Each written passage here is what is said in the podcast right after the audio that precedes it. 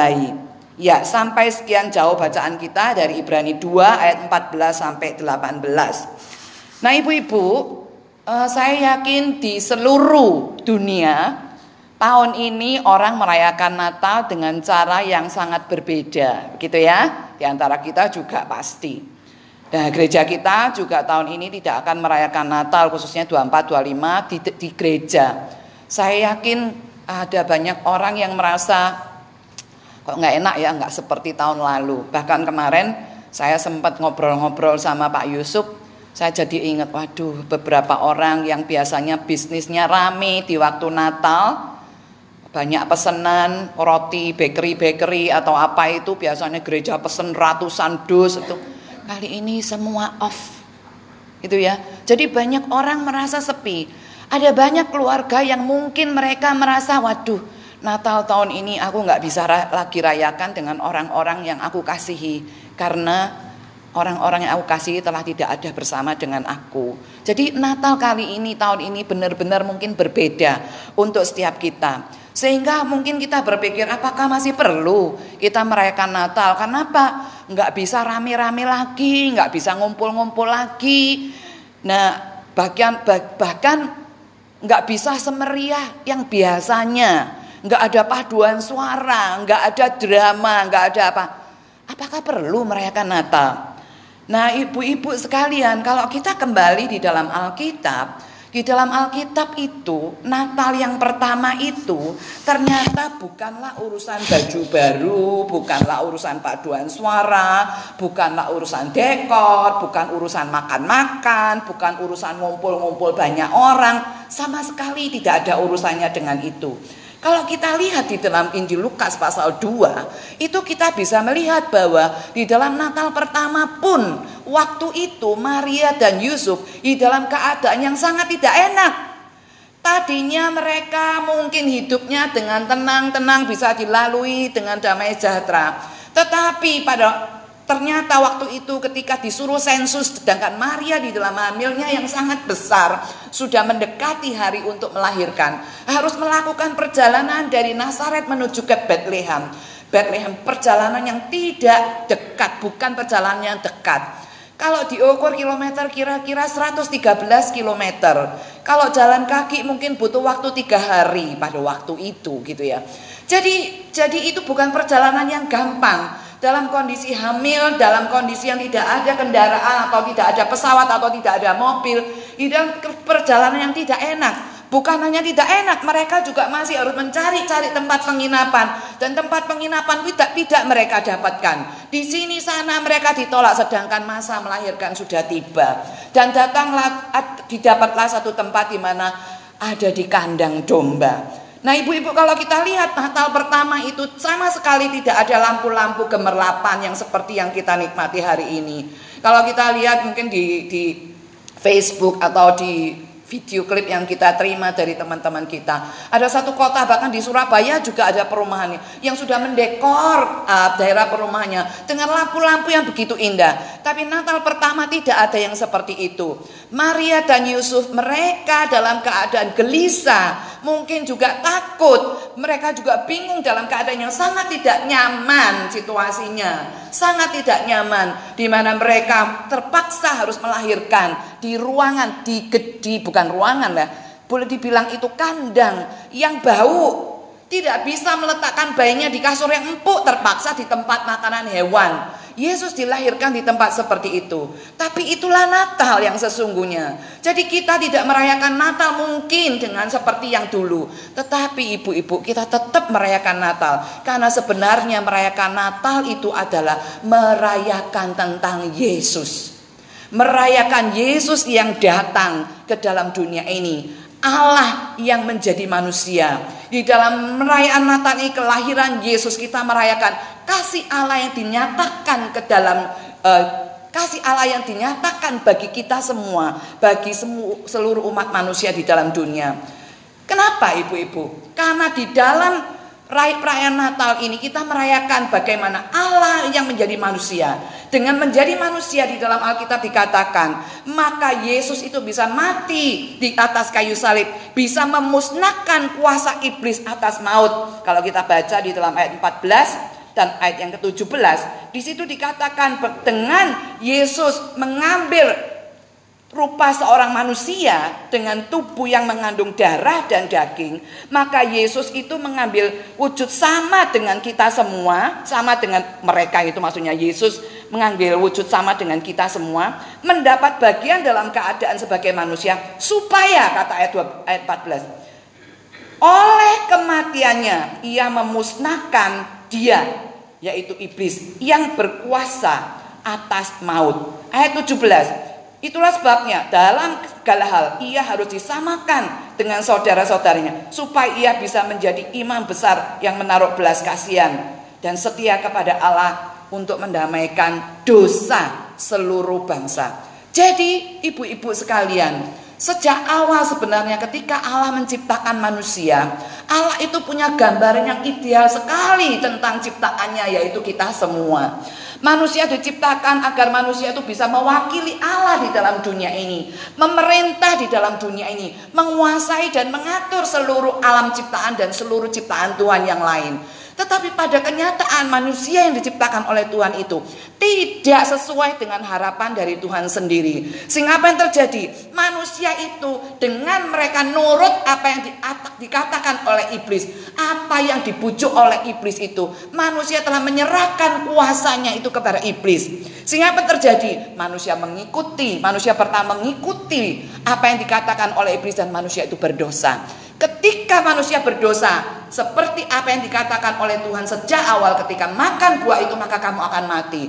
Maka kematian itu mulai berkuasa atas hidup manusia dan iblis berkuasa. Manusia memberikan kuasa itu kepada iblis dan iblis berkuasa atas maut. Nah, sejak saat itulah manusia semua dikuasai oleh ketakutan akan kematian. Dikuasai oleh ketakutan akan maut Sampai hari ini. Sampai hari ini. Kenapa? Karena iblis itu terus memberikan apa itu? Menakut-nakuti manusia dengan rasa takut supaya manusia itu takut akan kematian. Saudaraku, di dalam Alkitab kalau kita baca di sini ya, di dalam ayat 15 itu ya. Seumur supaya membebaskan manusia seumur hidupnya berada dalam perhambaan oleh karena takut kepada maut. Bapak Ibu, eh Bapak Ibu, saudara ibu-ibu sekalian, ketika manusia itu ada rasa takut, maka manusia itu akan nurut semua yang dikatakan karena rasa takut. Iblis menaruh rasa takut itu di dalam hati kita. Sehingga benar Ji, apa yang terjadi? Ketika hati kita takut, apa pun yang diomongkan itu kita nurut semua. Saya teringat beberapa waktu yang lalu itu saya pernah ditelepon dan saya yakin beberapa saudara juga pernah mengalami di mana ada orang menelpon kita mengatakan bahwa anak kita itu kecelakaan gitu ya. Saya pernah. Tapi ada juga di antara kita mungkin yang pernah mengalami gitu ya. Anakmu namanya ini. Dia sedang mengalami kecelakaan. Jadi kamu sekarang ya harus cepat. Ini sekarang sudah di rumah sakit. Kamu harus cepat transfer uang karena dia kalau tidak ditolong segera dia akan mati. Dia ini butuh sekarang untuk butuh alat tertentu transfer uang segini segini segini. Apa yang dilakukan biasanya orang-orang takut? Langsung cepet-cepet. Apalagi dia nyebut namanya itu betul. Ibu-ibu tahu nggak orang-orang seperti ini mereka sudah melakukan penelitian, boleh investigasi. Itulah sebabnya mereka tahu nama anak kita, gitu ya. Tetapi oleh karena takut, maka kita transfer sekarang. Ya, lakukan ini, transfer lagi. Kita terus. Itulah teknik iblis untuk membuat kita takut. Cara cara seperti itu yang dilakukan oleh iblis. Ketika kita takut, maka kita itu seperti dicocok hidung kita, seperti sapi yang dicocok hidungnya. Disuruh apa kita nurut. Disuruh apa saja kita nurut. Itulah sebabnya ketakutan itu, katakan orang yang ketakutan itu seperti orang yang diperhamba. Lakukan apa? Apa saja yang disuruh. Itulah manusia. Makanya di dalam dunia ini segala sesuatu kalau yang berhubungan dengan nyawa manusia gitu ya, kalau wis takut, wis manusia tuh nurut semua yang dikatakan. Nah, itu cara iblis. Dia terus meneror kita, membuat kita itu takut. Walaupun sebenarnya kita sudah anak Tuhan pun kita dibuat takut. Itu cara iblis. Nah, Allah ingin mengembalikan manusia yang diciptakannya itu, mengembalikan kepada status yang semula. Tetapi tidak ada cara lain tidak ada seorang pun yang bisa nolong manusia karena semua manusia berdosa. Itulah sebabnya Allah punya cara, yaitu harus Allah sendiri yang datang untuk menolong manusia.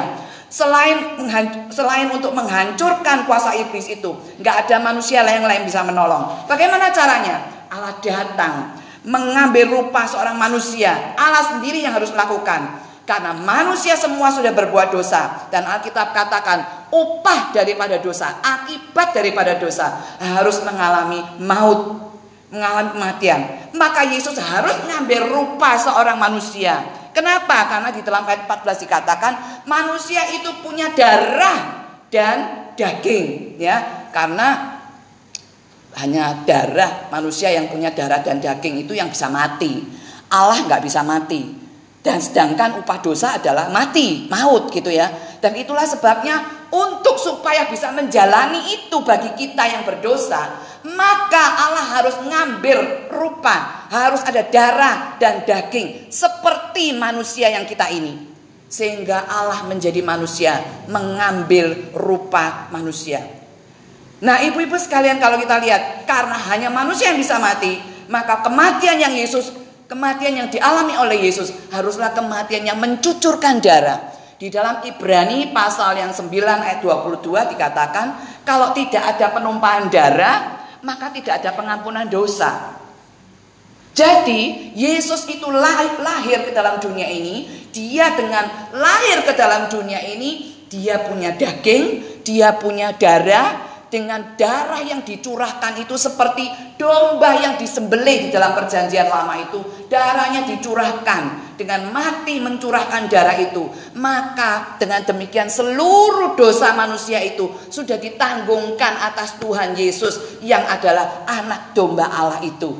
Ditanggungkan supaya dengan demikian manusia itu mendapatkan pengampunan pengampunan dosa. Nah, Saudaraku sekalian, Yesus yang adalah manusia 100% dan dia juga adalah Allah 100%. Karena dia Allah, maka dia tidak dapat dibatasi oleh waktu. Nah, itulah sebabnya dia yang satu kali datang ke dalam dunia ini dengan darah dan daging seperti kita, satu kali mati di atas kayu salib, mencucurkan darahnya, satu kali itu dia menggantikan dosa seluruh manusia di dalam dunia ini yang lahir sebelum kedatangan Yesus yang pertama, yang hidup di perjanjian lama, yang dulu dulu sudah datang dan Yesus juga mati dan menanggung dosa manusia, seluruh manusia yang lahir sesudah Yesus lahir sampai besok-besok sampai menuju sampai sebelum kiamat. Yesus mati untuk seluruh manusia dalam yang lahir di waktu kapan pun. Kenapa dia bisa begitu? Karena dia bukan hanya manusia 100%, tapi dia juga Allah. Allah yang tidak dibatasi oleh waktu. Allah yang lebih besar dari seluruh umat manusia dalam dunia. Itulah sebabnya dia yang satu itu. Allah yang menjadi manusia. Dia bisa menanggung dosa manusia dari zaman dulu sampai zaman yang akan datang. Seluruh manusia itu dia bisa tanggung. Karena dia jauh lebih besar. Suraku, tetapi Yesus itu dia punya darah, punya daging dan dia mati mencurahkan darahnya untuk membasuh dan memberikan pengampunan kepada kita. Dia tidak berhenti sampai di mati itu aja. Kalau dia berhenti di pada waktu itu mati saja dan dia tidak bangkit, maka iblis masih berkuasa atas maut. Tetapi Yesus itu bangkit. Ketika Yesus bangkit, dia mengalahkan maut. Hukuman dosa manusia berdosa hukumannya mati, maut. Ya, ditimbak ditirim oleh Yesus. Tetapi Yesus bangkit pada hari yang ketiga.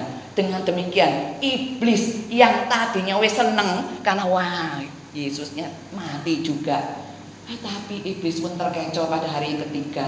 Iblis terkecoh karena Yesus bangkit. Ketika Yesus bangkit, itu membuktikan bahwa Yesus sudah menang hukuman kita. Hukuman seluruh manusia dalam dunia ini. Dan juga Yesus sudah mengalahkan kuasa iblis.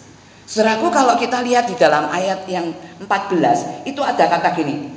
Dengan kematiannya ia memusnahkan dia yaitu iblis yang berkuasa atas maut. Kata memusnahkan ini artinya was, uh, dijadikan tidak lagi bisa berfungsi, dijadikan tidak lagi efektif, dipatahkan itu ya artinya begitu. Jadi artinya apa? Iblis itu kayaknya dia berkuasa, tapi sebenarnya kuasanya sudah nggak ada lagi.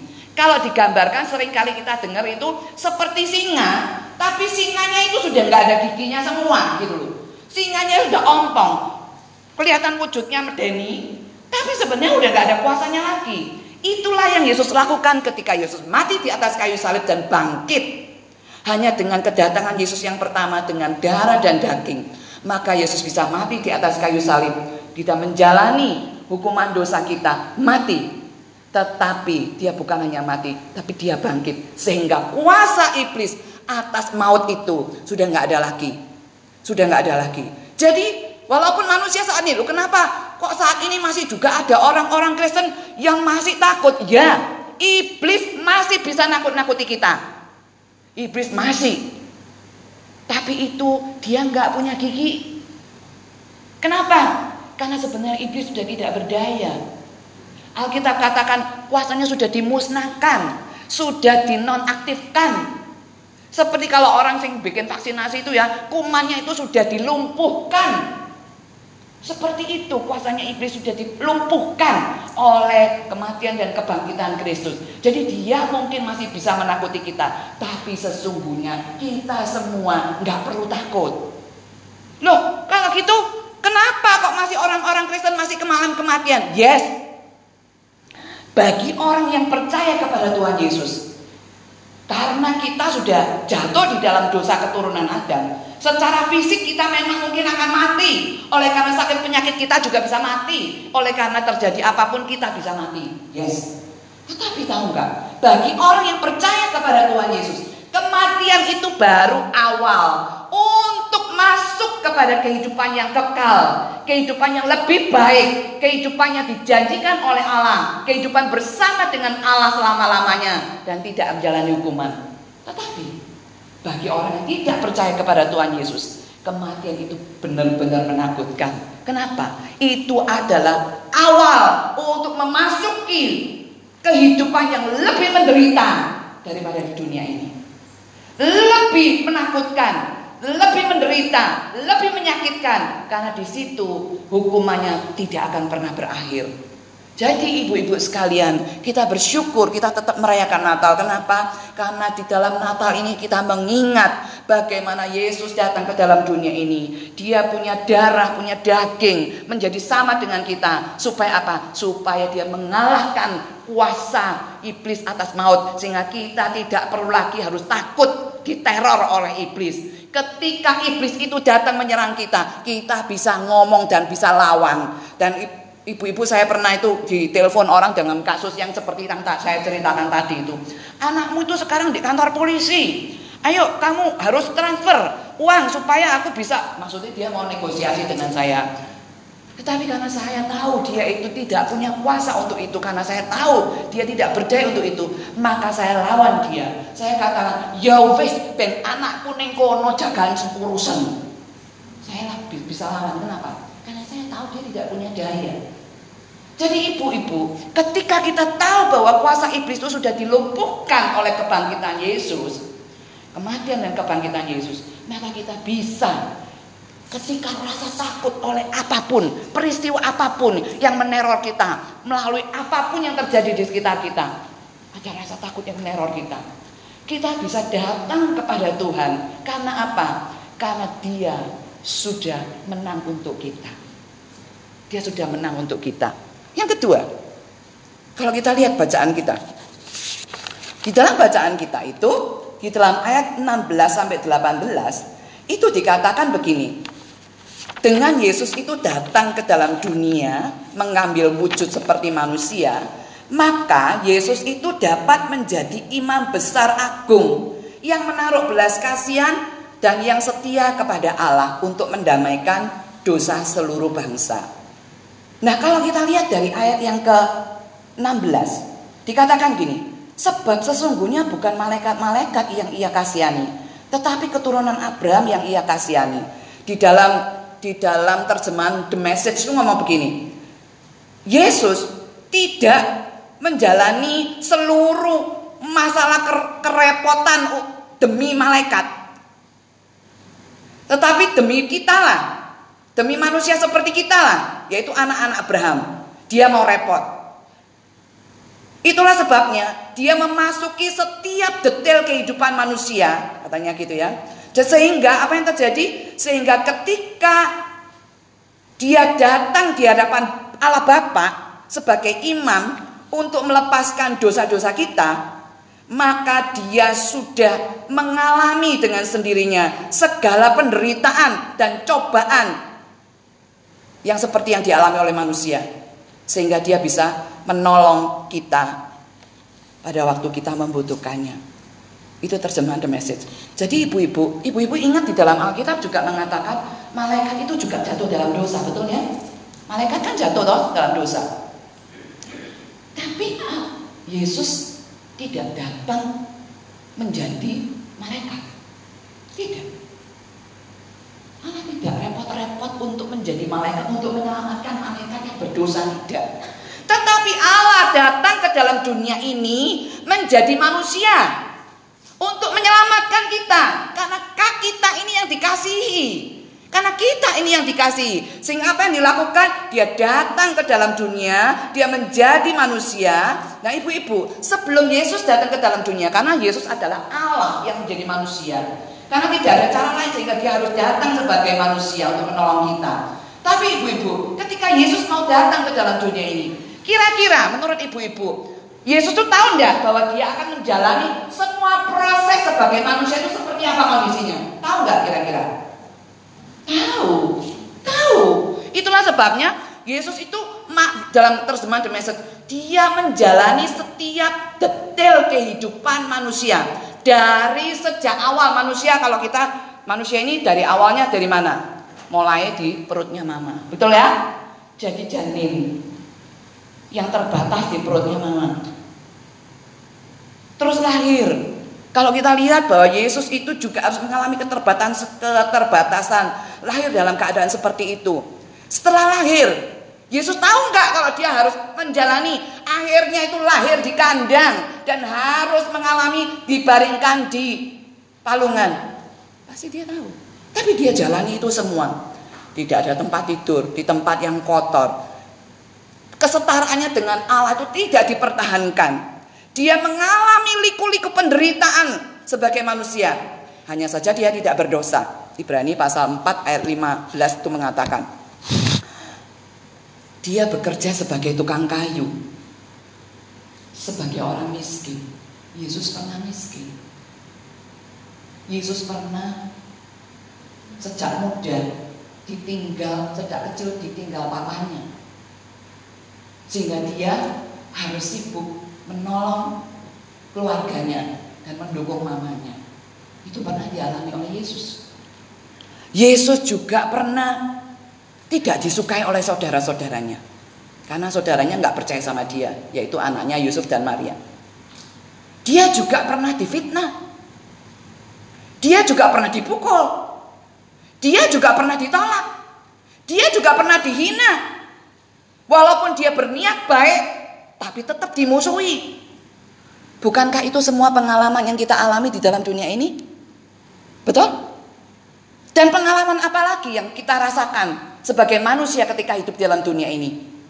Alkitab katakan, setiap detail itu dijalani oleh Yesus. Untuk apa? Demi menolong kita. Supaya dia itu bisa menjadi imam besar. Imam besar yang bagaimana? Imam besar yang punya belas kasihan. Segala kesusahan dia alami dalam keadaannya sebagai manusia. Supaya dia bisa menjadi imam besar yang menaruh belas kasihan. Nah ibu-ibu, Kalau seorang imam besar, eh, kalau seorang nggak pernah ngalami, biasanya kan nggak bisa menaruh belas kasihan, betul ya? Nah, ada seorang di Amerika yang pernah dituduh sebagai pembunuh, tapi sebenarnya dia nggak pembunuh, tapi salah tangkap, salah tuduh. Nah, ketika dia ditangkap dan dia masukkan penjara, difonis gitu ya, pokoknya akhirnya dia menjalani hukuman di penjara. Tapi di penjara Amerika itu mungkin tidak seperti penjara sini ya. Kalau di penjara Amerika itu ada banyak fasilitasnya. Bahkan ada perpustakaannya ya. Perpustakaan hukum apa buku-buku hukum itu juga ada gitu ya. Jadi mereka yang dipenjarakan itu mereka bisa punya banyak waktu baca buku-buku hukum. Sehingga orang ini juga dia baca buku-buku hukum gitu ya. Dia pelajari bagaimana cara supaya dia bisa membela dirinya yang tidak bersalah sebenarnya. Nah singkat cerita akhirnya dia itu bisa membela dirinya juga dengan bantuan orang lain akhirnya dia lolos bisa membawa perkaranya di pengadilan dan akhirnya dia bisa lolos dan dibebaskan walaupun sudah cukup lama dia menjalani penjara dan harus dijatuhi hukuman mati sebenarnya. Nah ibu-ibu ketika dia bebas dari penjara akhirnya dia juga karena dia wis baca buku hukum. Dia keluar dari penjara, dia melanjutkan belajar hukum. Ketika dia belajar hukum, akhirnya apa yang dia lakukan? Dia membela orang-orang yang mengalami masalah seperti dia dengan tujuan tuduhan-tuduhan di penjara karena tuduhan yang salah. Dia bisa merasakan penderitaan orang-orang seperti itu. Dia bisa menaruh belas kasihan kepada orang-orang seperti itu. Kenapa? Karena dia pernah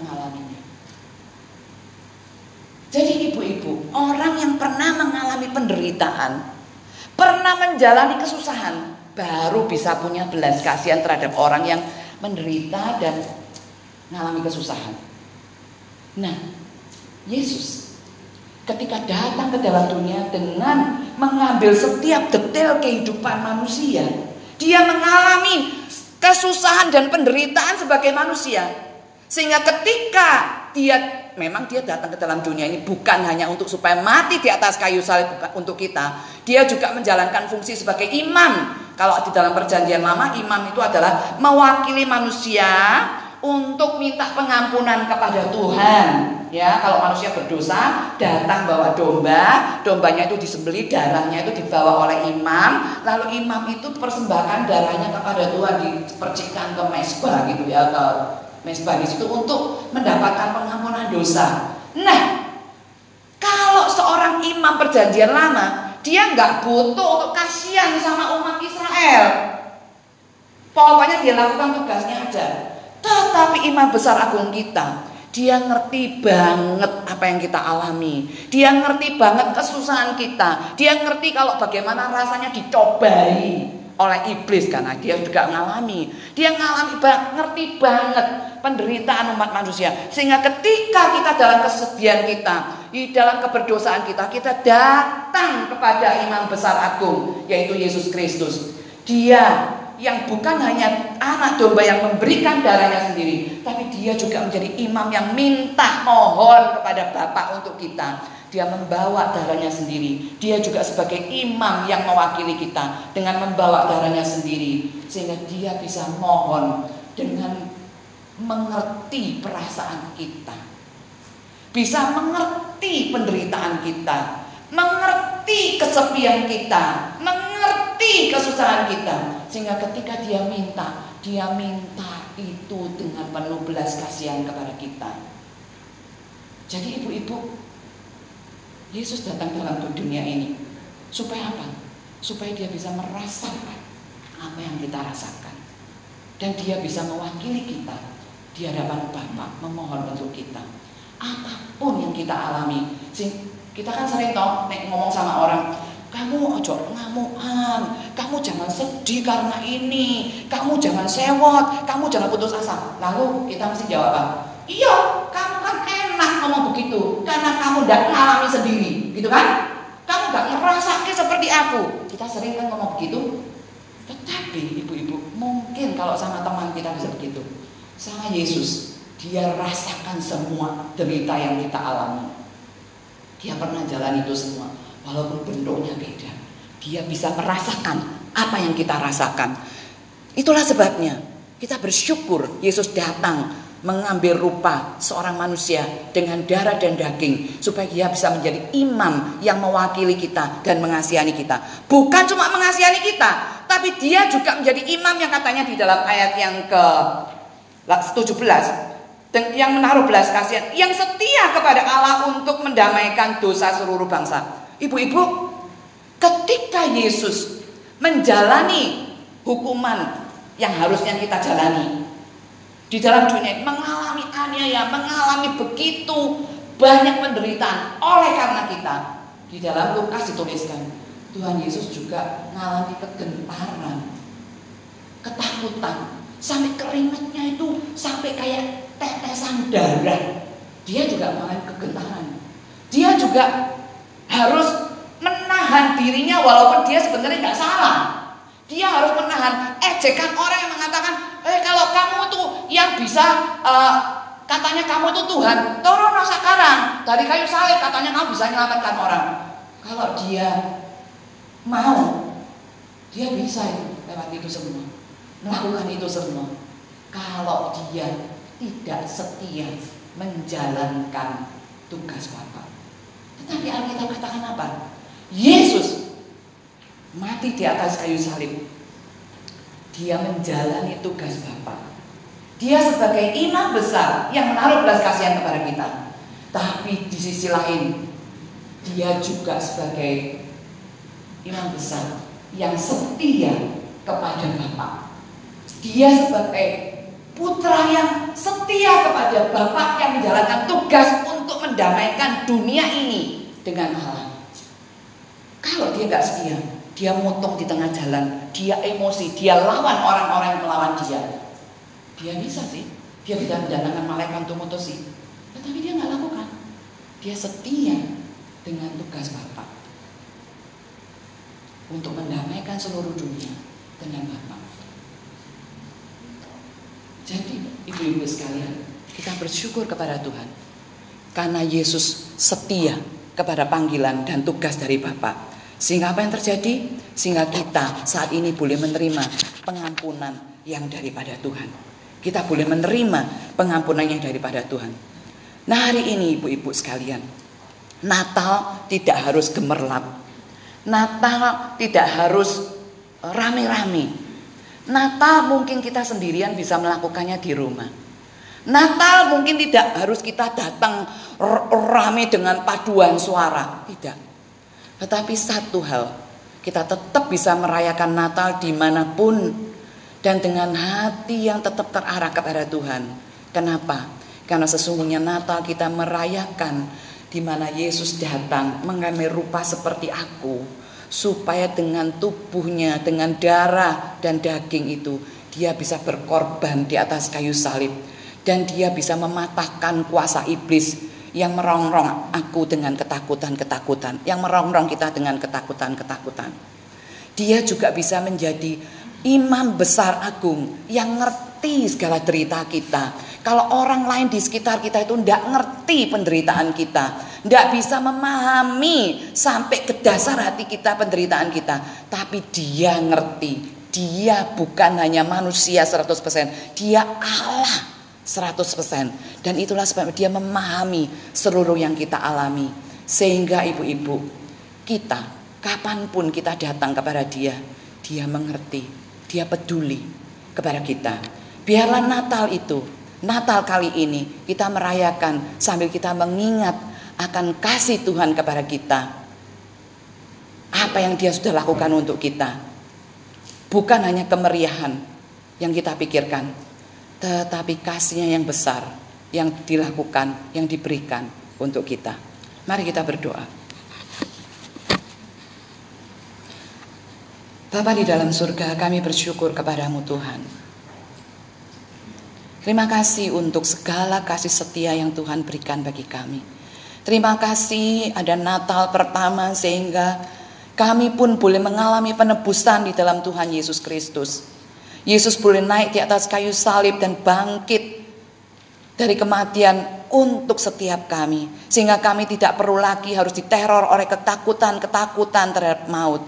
Terima kasih ya Tuhan, terima kasih. Terima kasih juga karena Tuhan Yesus merupakan imam besar agung yang menaruh belas kasihan kepada kami. Dengan datang ke dalam dunia, Yesus boleh menjadi imam besar yang mewakili kami semua. Yang mengerti derita kami. Dan saat ini pun masih mendengarkan kami dan mewakili kami. Memohon kepada Bapak. Terima kasih untuk itu semua ya Tuhan. Terima kasih. Kiranya tolong kami Tuhan. Supaya Natal ini kami tidak hanya menikmati berita bahagia ini untuk diri kami sendiri. Tetapi setiap kami menggunakan kesempatan ini untuk memberitakan berita bahagia ini kepada orang-orang di sekitar kami. Tolonglah kami Tuhan, supaya kami tidak lagi dirongrong dan diperbudak oleh ketakutan, sehingga kami akhirnya hidup tidak bahagia. Dan tolonglah kami ya Tuhan, supaya dengan berani datang ke hadapan tahta kasih karunia Tuhan karena engkau adalah imam besar agung kami yang mengerti segala kesulitan kami. Terima kasih Tuhan. Di dalam nama Tuhan Yesus, imam besar agung kami, kami berdoa. Amin.